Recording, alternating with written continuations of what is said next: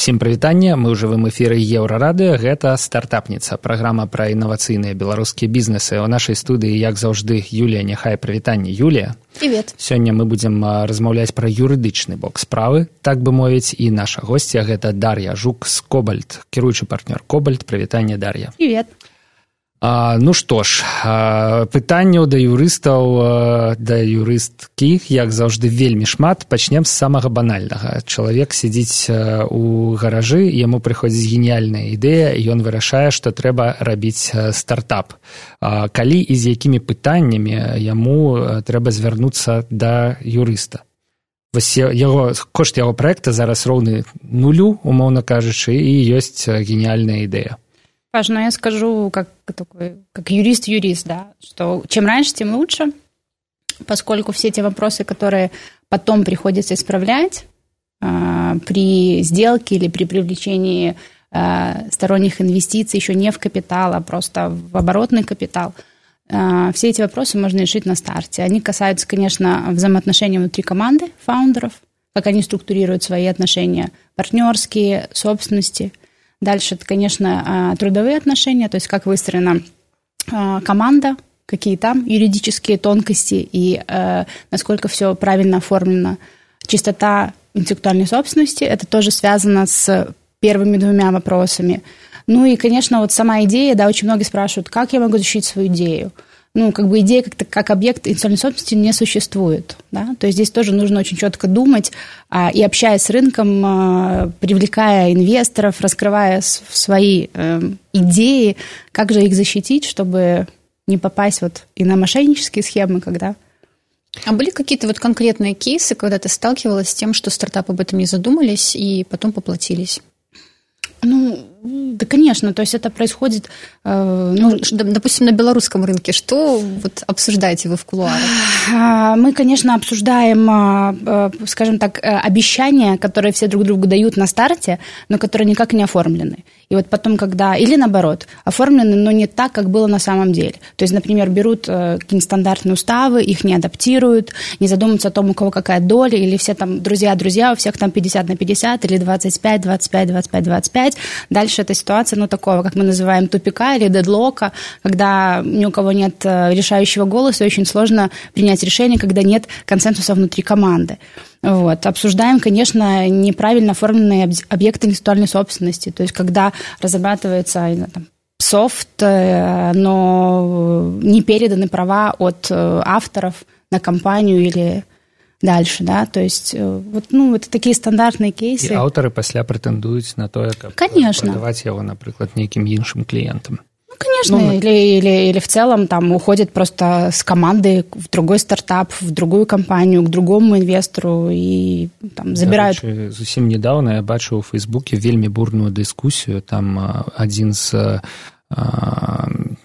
CEO, CEO айцішнай кампаніі пытаўся ці ёсць у беларусі якія-небудзь санкцыі супраць іншых супраць канкурэнтаў якія пераманіваюць супрацоўнікаў з юрыдычнага гледзяща это законно ў беларусі но они ведь подписывают договор о непереманивании, который действует определенное время. Есть такие домовы у Беларуси? Конечно. Ну, в, в ПВТ, в режиме ПВТ, да. Это вот то, что как раз э, вторая редакция декрета дала такие возможности. Но я хочу сказать, что на самом деле, если мы глобально посмотрим, то это не такой уж и сейчас как бы тренд. Сейчас наоборот, э, все обсуждают о том, что это как раз-таки нарушает там как бы это ни, ни звучало пафосно, а, конституционные права там, на труд, на занятость. Соответственно, вот эти там non-compete и non-solicitation, как они в английском называются, ну, это уже не такой уж тренд. Мы вот как бы к нему пришли. Да, конечно, ты можешь заключить такой договор, прописать там э, какой-то штраф за это, или, конечно, ограничить кого-то в работе на конкурирующий бизнес или команду, ты должен ему за это хорошо заплатить. Это, как правило, платится определенная компенсация, после чего человек там может отдыхать, да, и не работать на конкурента.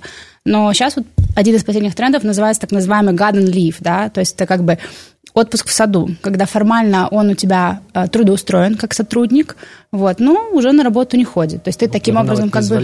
Да. Сабатикл? Ну, ну, сабатикл это больше, когда ты устал, и вот как бы ты не заявляешь о том, что я ухожу, ты как mm-hmm. бы перезагружаешься, да.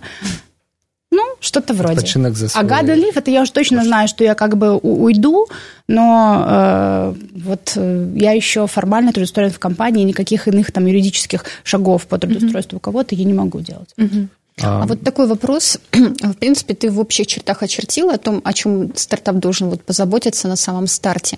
Я, есть... дарэчы, пачуў тры можна артыкуляваць гэта тры блокі пытанняў да першае гэта долі паміж фаундерамі і іх узаемаадносін да. другое гэта працоўнае заканадаўства то бок калі адзін аднаго адзін дырэктар а адзін там не дырэктар відаць яны адзін аднаго вот. наймаюць на працу да і пашыраюць да часто а... бывает что они вообще не оформлены ребята приходят говорят мы фаундеры у нас работают классные программисты они сейчас делают мне продукт как они работают ну как, ну работают, вот Чат, я даже им что-то плачу. В соседнем покое. Да, то есть Вон все, же. а дальше, ну, кто они тебе? И если они даже не оформлены, то вопрос, как мы эту чистоту э, прав дальше с, на продукт и так далее э, сможем обеспечить? Да никак. И третье – это авторские правы.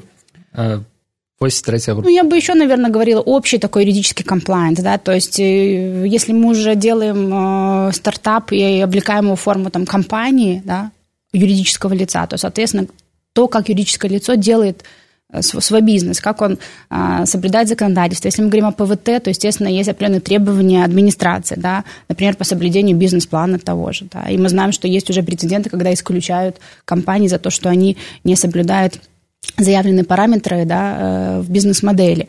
То есть такой комплайенс, то же самое отчетность. Э, Чатыры – это отповедность компании патрабаванням заканадаўства да. ці той свабоднай эканамічнай зоны у якой яно працуе локальным ці нейкім и пятое я бы вообще наверное говорила чистота бизнес-модели в целом бизнеса конечно это уже для более такого стартапа продвинутого наверное который растет а, активнее но то как ты взаимодействуешь со своими субподрядчиками клиентами я не знаю там если есть какие-то поставщики товаров, услуг, то есть как ты структурируешь все контрактные обязательства, а если там лояльность, а она такая, которая только, скажем, такие коммерческие условия, которые есть э, в этой бизнес-модели, сохранятся ли, когда поменяется собственник или придет кто-то еще в компанию, или это только лояльность к существующим фаундерам, да, насколько там есть аффилированность, насколько рыночные отношения, условия этих контрактов, например, есть какое-то там привлеченное финансирование, насколько эти ставки рыночные, не рыночные. То есть это вот то, что мы называем... могуць вырашаць гэтае пытанне это не юристы это О, гэта вельмі сур'ёзнае тут юристы, трэба такія даследаванні рабіць чтобы знайсці афіляванасць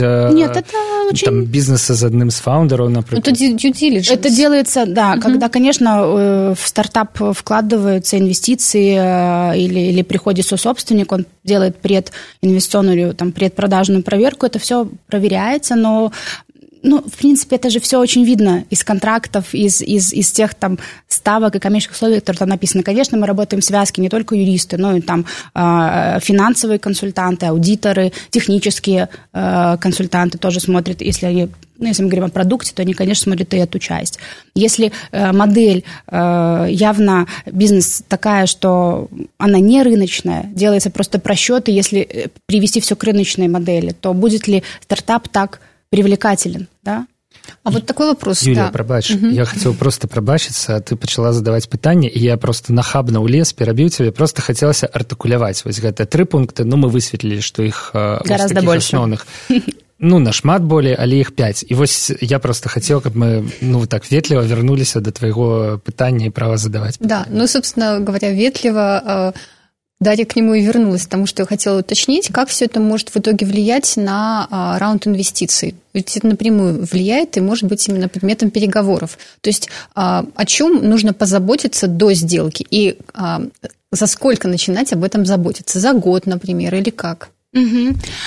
Ну, может быть, кейс какой-то есть интересный. Здесь, конечно... Дарья, я прошу прощения, да. мне кажется, нужно говорить чуть более... Сюда? Микрофон, да. Нормально так? Думаю, так.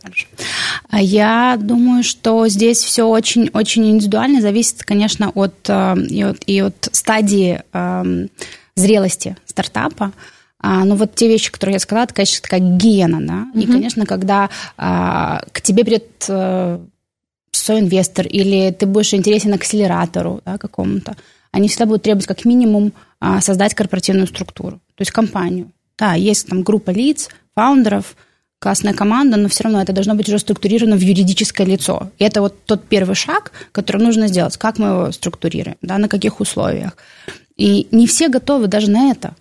Потому что юридическое лицо – это уже определенные э, затраты по управлению этой компании, да, и временные, и денежные. И это уже как бы ощущение того, что, ну, это уже серьезнее, чем мы просто, как ты, Паша, сказал, там, в гараже, да, что-то придумали. Соответственно, все зависит от, от зрелости. Если мы говорим о, о зрелых э, ком, командах, стартапов, которые там привлекают э, инвестиции уже на стадии роста, то, конечно, они, они очень правильно все структурированы. Да? То есть они все имеют э, правильные корпоративные документы, правильные трудовые контракты, оформлены объекты индустриальной собственности, они правильно делают там свой, свой маркетинговый анализ, да, то есть инвесторы же он не только это смотрят, но смотрят потом много чего другого, да, вот, и Вось мяне дарэчы заўжды цікавіла пытанне адказнасці юрыстаў не толькі ў сферы стартапаў але і ў розных іншых сферах Часто даводзіцца чытаць што нейкі чыноўнік да вось зараз не юрыст а просто чыноўнік з якого-небудзь выканкама да яго бізнес пайшоў ён сказаў ну Делай можна так. так рабі так да пасля раз і нельга было так рабіць да бізнесу штрафы там я не ведаю нават можа і горш што-небудзь а чыноўнік такі ну вот так вот атрымалася да? А вось калі юрыст што-небудзь я не ведаю пераблытая ну розныя ж есть ну, это очень хороший не все працуюць у кобальце да? Ну спасибо. Это очень классный вопрос. На самом деле он связан он он более широкий. Это вообще а, сфера профессионального консалтинга я бы так ее назвала да? И и она у нас конечно очень молодая как и любой бизнес нашему бизнесу, ну что, 30 лет, да, это мы сейчас все имеем бизнес первого поколения, да, после развала Советского Союза, мы видим этих собственников, которые уже многие из них устали, хотели бы, наверное, отдохнуть, но вот эта еще смена поколения, она еще а, не произошла. Ну и есть, конечно, вот это второе движение молодых ребят, стартаперов в том числе. Соответственно, и также и профессиональный консалтинг, он очень молодой, и здесь этики профессиональной, к сожалению, ну, она не только, она только, она только структурируются. И, конечно, если мы говорим о таких глобальных компаниях, там, как э, Big Four, да, то есть аудиторские большие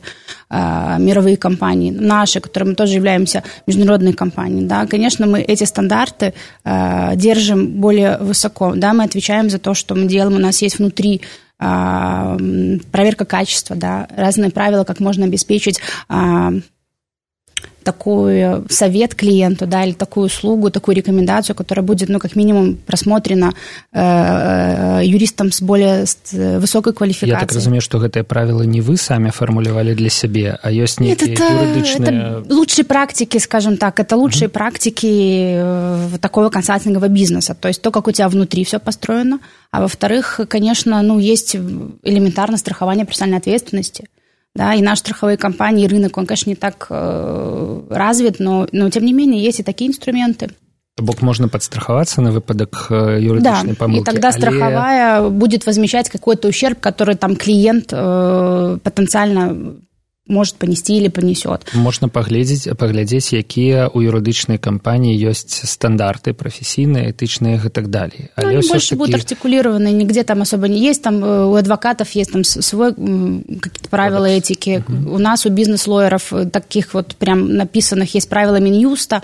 Ну, это все очень формально. Здесь больше, конечно, это вопрос такой субъективного, да, а, я бы сказала, даже отношения с клиентом. И, конечно, ошибки случаются, это нормально. Их нормально делать, и, и мы можем ошибаться, поскольку, ну, я не, не хочу быть банальной, но наше законодательство очень э, быстро меняется. Э, до сих пор есть разная его трактовка. Але такой формальной отказности э, все ж таки не прописано. Ну, она в договоре будет. Это такая же договорная mm-hmm. ответственность, как и, и в любом другом договоре на услуги. Наша сувядоўца гэта Юлія няхай яшчэ раз прывітанне Юлія. Сёння мы размаўляем пра юрыдычны бок справы і наша госця гэта Дар'я жук кіруючы партнёр кобальт прывітанне яшчэ раз Дар'я. ізноў я атрымаў у перапынку ганяй што не даю Юлі увогуле задаць ніводнага пытання і гэта ў прынцыпе праўда таму я замалкаю Юлія Жги. Да, а, у меня несколько вопросов. В общем-то, ты их косвенно уже коснулась. Первый он по поводу due diligence. Несколько раз уже во время эфира это слово звучало. И вопрос, собственно, такой. Я знаю, что ты а, рекомендуешь а, стартапам оценивать э, buy side, покупающую сторону, будь то акселератор или инвестор mm-hmm. или компания, и допускать к due diligence, due проведению due diligence тоже вот не каждую компанию. Вот расскажи, ну, поясни, почему так? Что здесь вот ты имеешь в виду? Да, это вот уже из опыта работы не только со стартапами, но и с такими уже достаточно зрелыми компаниями. Когда мы ищем деньги, вот тоже есть такой у инвестбанкиров такой основной как бы посыл, что деньги нужно искать тогда, когда они тебе не нужны, потому что когда они тебе не нужны, их тебе, ну, мало кто даст. Ну, Но как... про, про стартапы говорят, что фаундеры должны постоянно искать деньги. Вот, да, угу. то есть и это не зависит от того, что мы там в каких-то убытках или еще что-то, это такой перманентный процесс. Поэтому, когда я нахожусь в поиске, и вот тут вдруг кто-то так раз и, и, и откликается на мое предложение, конечно, очень много эмоций, эйфории, и я готов вот прям подписать с ними хоть завтра, да, соглашение или документы о раскрытии информации обо мне. Но мы должны понимать, что любая проверка юридическая, финансовая, техническая и так далее, это, ну, фактически ты обнажаешь свой, свой бизнес и свой инсайт. И это очень серьезно. И это нужно делать с достаточно проверенными, ну, как бы контрагентами, да, назовем их так. То есть теми а, потенциальными там байерами или инвесторами, в которых я тоже э, мало-мальски уверен. Но они ведь тоже подписывают NDA. Они подписывают NDA. Но это тоже не как бы панацея от всех бед. Потому что NDA, что такое NDA? Давайте тоже так уже юридически, да, я вас совсем там э, не напугаю, но опущу на землю. Ну, подписали NDA, но все равно это мое добровольное, пусть даже оформлено документально, мое добровольное обязательство соблюдать конфиденциальную информацию, ее не разглашать, не использовать э, там в моих целях или так далее, в иных целях, кроме как вот в отношении этой сделки и так далее. Но если я это сделал, ну да, я, есть какая-то ответственность, штраф предусмотрен в этом соглашении. Ну что, ну, ну, ну если, ну, если я это уже сделал, то есть за мной будут гоняться через суд и так далее, взыскивать этот штраф, но эффект от этого, он уже гораздо более серьезный, да, чем просто из кого-то я взыщу штраф, да, или обижу его там через суд, э, не использовать там, я не знаю, там, эту идею программу и так далее. То есть здесь, ну, последствия для бизнеса гораздо более серьезные, чем просто компенсация какого-то штрафа и убытков. Поэтому раскрывать себя пускать кого-то в свою так называемую дата-рум – это очень серьезный шаг. Нужно делать бэкграунд-чек, конечно же, тех байеров, которые к тебе приходят. Я бы не стеснялась никогда просить, если, конечно, это не какой-то там топовый акселератор, там, американский, европейский, или, или действительно инвесторы там, или э, есть же э, и фонды, и венчурные у нас, э, да, в Беларуси и за рубежом есть действительно известные на рынке с хорошей репутацией, с хорошим трек-рекордом проектов, экзитами и так далее. Если это только вот, ну, не такие истории, тогда, конечно, я бы не стеснялась просить, не знаю, гарантийные письма о том, что ты действительно готов, у тебя есть возможность возможность привлечь столько денег, которые ты мне обещаешь. Покажи мне твои, твои там предыдущие проекты, экзиты, в кого ты еще вкладываешь. Ну, слушай, тем не менее, вот заходишь на сайт инвестиционного фонда, видны портфельные компании, там, ТИМ, да. ТИМ, какой-то хороший борт и прочее. Почему я должна усомниться в том, что ребята с ними что-то не так? Ну, в, в таком случае это уже очень хороший, конечно, ну, как бы зазор для, для вот этого доверия, да. Но все равно спросить, какая Где ваша... пример? Какая ваша? Ну, э, э, пример здесь, на рынке по, по, по названию компании или... Ну, можно без названия компании, но вот пример, когда э, в due diligence э, пустили кого-то не того. складана мне я не, не, назвал, нет э, ну у меня вот буквально в этом году но это было конечно не не, не в тех там сфере это было в ритейле достаточно таком ну назовем его региональным да то есть было несколько ритейл как бы точек у, у компании в разных регионах, и сделка в итоге не сложилась, поскольку, ну, Байер оказался, а, ну, не, скажем так, не в состоянии, как оказалось, да, пойти на все эти финансовые э, условия, которые изначально были а, выдвинуты со стороны продавца, потому что часто mm-hmm. сделка начинается а, ведь со стороны продавца, когда он делает какой-то mm-hmm. тизер о себе и ищет байеров. То есть... Э, Бок была згода нейкая на эту сделку, але не было... Ну, то есть он знал цену, он знал условия, да, и так далее. Но как в конце оказалось, что он, он, у него нет этих э, финансовых возможностей, и более того, у него настолько закредитованы компании и так далее, он не может даже ничего привлечь. Uh-huh. А он все думал, что ну, раз тот продается, значит, э, он прям в таком тяжелом состоянии, что его тоже никто не купит. А собственно сказали, ну так нет, значит нет, так мы лучше подождем там до лучших времен или еще что-то, чем продаться там ниже э, справедливой цены, как они. Ведь в любой сделке, вот в любом э, ну, таком, как бы даже, наверное, раунде инвестиций всегда вот эта ценность компании, да, даже не цена сделки, а ценность. Вот в этом весь спор. И вот то, о чем мы говорили в первой части нашей, да, до новостей, uh-huh. то есть как эту ценность повысить. И, конечно, твой вот, и твое внутреннее корпоративное управление, и твоя чистота, и продукта, и отношения внутри команды, это очень влияет на, на, на вот эту привлекательность и ценность. Бо гроши, потраченные на юристов, гэта наўпроставы рост кошту каштоўнасці Знаешь, твоей компании. Даже не на юристов, а я бы сказала, это где-то поменять свое сознание. То есть фаундерам очень важно поменять свое сознание и понять, что эти вопросы, они также важны. Что классное корпоуправление, как ты говоришь, вот борды, да, mm-hmm. то есть во всех, если мы посмотрим, все инвестиционные фонды или акселераторы, они все часто приходят очень много работают с командой, да, формируют совет наблюдательный, туда э, либо сами приходят через своих менторов, через адвайзеров, либо каких-то независимых членов туда и, э, да, пытаются э, назначить. Для чего? Чтобы вот это была более широкая картина, чтобы принимались более правильные решения.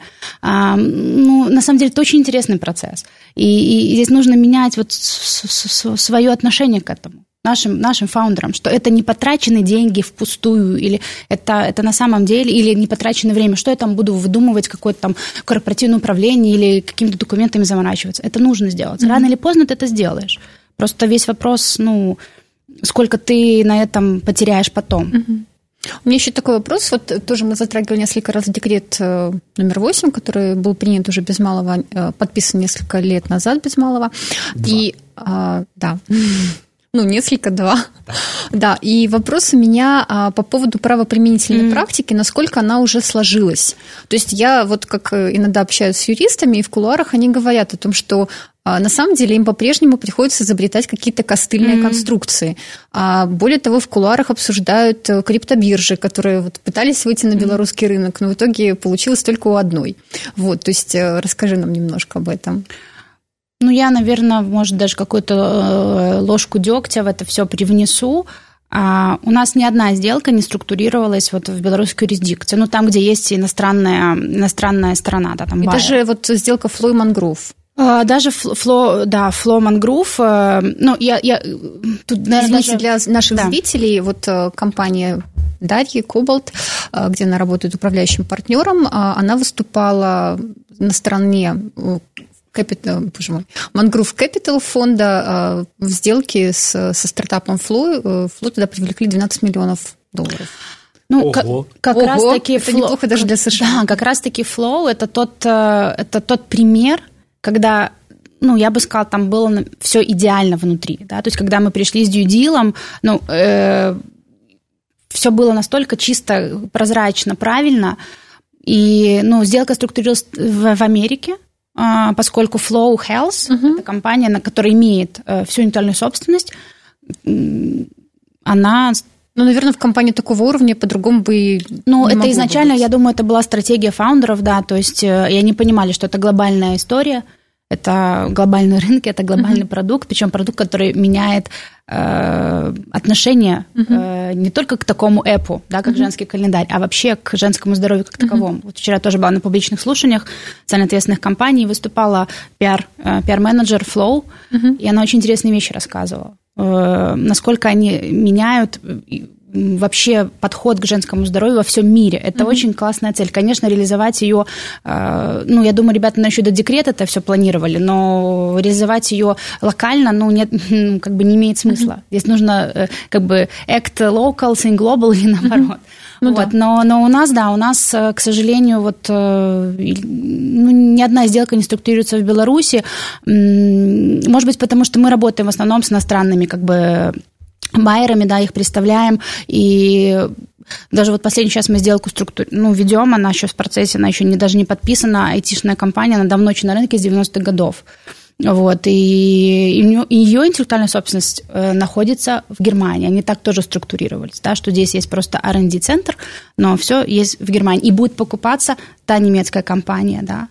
А, я пакуль што зразумеў да. з адказа, што ніводная сделка не структурировалася ў Беларусі не таму, што дэкрэт дрэнны, а просто таму што беларускія кампаніі яны ад пачатку былі падрыхтаваныя рыхтаваліся до того что гэтыя сделки трэба будет структуровать э, недзе э, далеко рокет дата сделка в конце прошлого года когда РБФ Ventures да. частные инвесторы бизнес-ангелы и вот юристы говорили что это как раз-таки первая сделка когда вот деньги их э, так то же самое, как... Сжигают легально. Да, даже как и АИ Мета, да, вот Google угу. купил, угу. тоже ребята купили компанию ПВТ белорусскую.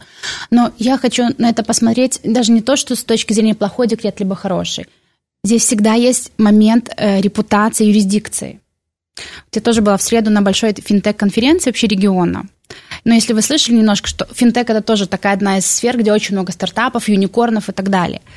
И все со сцены говорили об одном – Потому что, ну, вот Мин, э, Вильнюс ее хостил, в Вильнюсе очень, и вообще Литва очень сильно э, шагнула вперед вообще всех европейских стран в финтех э, как бы индустрии, они очень много выдали лицензий на электронные payment agents и так далее. То есть у нее очень интересная экосистема складывается – но есть такие кейсы, как АБЛВ банк в Риге, да, которого сейчас э, признали виновным там, в э, нарушении анти-money laundering правил. Есть э, претензии к Даньскому банку в Эстонии, который тоже обвинен в этом. И вот говорят, здорово, ребят, вы создали классную как бы экосистему, но, извините, такие кейсы из Прибалтики вот этому мировому сообществу не дают э, полной уверенности вашей юрисдикции, так и здесь. Я очень люблю нашу страну, и, и на самом деле такой патриот-патриот, очень много делаю промоушена, очень много мы ивентов делаем за границей, да, где мы рассказываем о том, какие здесь возможности есть инвестиционные, но пока э, вот этот имидж, репутацию все-таки мы не повысим, я думаю, что, наверное, все больше будем иметь сделок, происходящих э, да, то есть э, в других юрисдикциях. Но опять же, Паш, ты в чем-то прав, что вот эти компании, о которых мы говорим, они где-то изначально были готовы к этому глобальному, да, к глобальной холдинговой структуре, да, внутри себя. Но это совершенно другие э, затраты, как ты понимаешь, и временные, и денежные. То есть, э, если мы говорим о локальных историях, я верю в них тоже. Но, но, но мы вот яны яшчэ можа просто не выраслі да ўзроўню нейкіх сделак с международными mm-hmm. партнерами да тых хто недавно прыйшлі знаешь здесь тоже есть э, и местные очень здоровские инвесторы здесь мне кажется тоже вполне э, можно найти финансирование денег свободные есть даже вот э, ну, я не знаю, это же не секрет, что даже ставка евро-либора сейчас она отрицательная. То есть а, стоимость капитала для банков, для инвестиционных фондов, ну, понимаете, она может быть нулевая сейчас. То есть денег свободных здесь и там их много. Весь вопрос, как бы, куда они притекают, как их взять и перелечь сюда. Поэтому, конечно, декрет, он, он, он хорош как эксперимент, как такая песочница, как мы ее называем, да, а, где действительно можно э, структурироваться, используя ну, обычные, я бы сказала, обычные стандартные инструменты сделок, да, то есть mm-hmm. это никакого там rocket science в этом нету. Но, конечно, все еще нужно что-то изобретать, да, потому что, ну, хорошо, если у тебя IT, если не IT-стартап, если эта компания не в ПВТ. И что, почему мне нравится Декрет 2.0, чем он все-таки? И вот если говорить о положительных моментах правопринятой практики, то, конечно, мы видим, ну, такой явный э, бум в как бы в допуске компаний с разными видами деятельности. Да, и то, что мы там тоже пару месяцев назад завели, например, а, компанию инжиниринговую, да, консалтинговую, которая, по сути, занимается проектированием всех классов, и она получила статус резидента ПВТ по БИН-проектированию, да, и сейчас у меня уже таких еще три проекта, да, соответственно, ну, это говорит о многом, что, в принципе, вот эта тех составляющая, она, как, как мы все и хотим, идет и в другие индустрии бизнеса, да. Вот это, наверное, самый большой плюс декрета 2.0. Да, но с криптой что-то не очень у нас. С да? криптой не очень. Я думаю, в принципе, первое это общий тренд да, mm-hmm. что там mm-hmm. есть определенная волатильность, да. И сейчас тоже вот э, последний тренд это же stablecoins, да, то, что Facebook mm-hmm. придумала Libra, да, и выпустила. Mm-hmm. То есть сейчас уже вообще все уходят в, коин, э, в, в криптовалюты, которые чем-то подтверждены. Ну, то есть требований SEC. То есть абсолютно. Угу. Но э, да, у нас есть и вторая криптобиржа, да, угу. ребята из СНГ ее тоже сделали, да, какие-то бизнесмены из СНГ я читала про них на, на DevBuy тоже. А, но э, мы, мы тоже имели одного потенциального очень э, такого заинтересованного клиента. Uh, причем это, он, скажем так, из иностранной юрисдикции, он, он, э, у него было и ICO, он привлек определенные инвестиции, тоже очень хотел здесь сделать криптобиржу. Когда мы выслали ему вот эти требования, которые э, сейчас есть, да, внутренний compliance криптобиржи, что ты должен сделать накануне даже того, как ты заявишься в ПВТ, но он сказал, что ну, я не готов, да, то есть э, этим заниматься я не вижу в этом смысла, потому что ну, таких требований я, ну, даже у нас их не было, да. Mm-hmm. Он из э, это Asia Pacific Region, назовем его mm-hmm. так. Соответственно, наверное, вот в этом вся проблема. Первая в таких жестких требованиях, ну, есть такое тоже мнение в комьюнити, что они писались там под первую криптобиржу, я не знаю, так ли это или под нет. одну криптобиржу. Под одну так, криптобиржу, да. но, скажем так, э, они... В итоге все довольны. В итоге все довольны, но они вот, я думаю, что достаточно жесткие, э, вот, учитывая, наверное, отношение к, угу. к, к, к этой теме в целом вот, глобально. А насколько Юлія, вот... прабач, да. ізноў я гвалтоўна цябе пераб'ю. Мне здаецца, што нам прыйшоў час выходзіць з радыёэфіра. Калі мы можам выйсці з радыёэфіра і застацца ў эфіры ў сацыяльных сетках, гэта было б выдатна можам да? А тады мы развітваемся зараз са слухачамі еўрарадыо Юлія няхай павел свярдло былі ў эфіры наша госця дар'я жук кіруючы партнёр кобальт. Пра юрыдычныя тонкасці размаўлялі мы і працягнем размаўляць зараз у соцсетках працяг размовы шаноўныя радыёслухачы вы можете пабачыць там. Welcome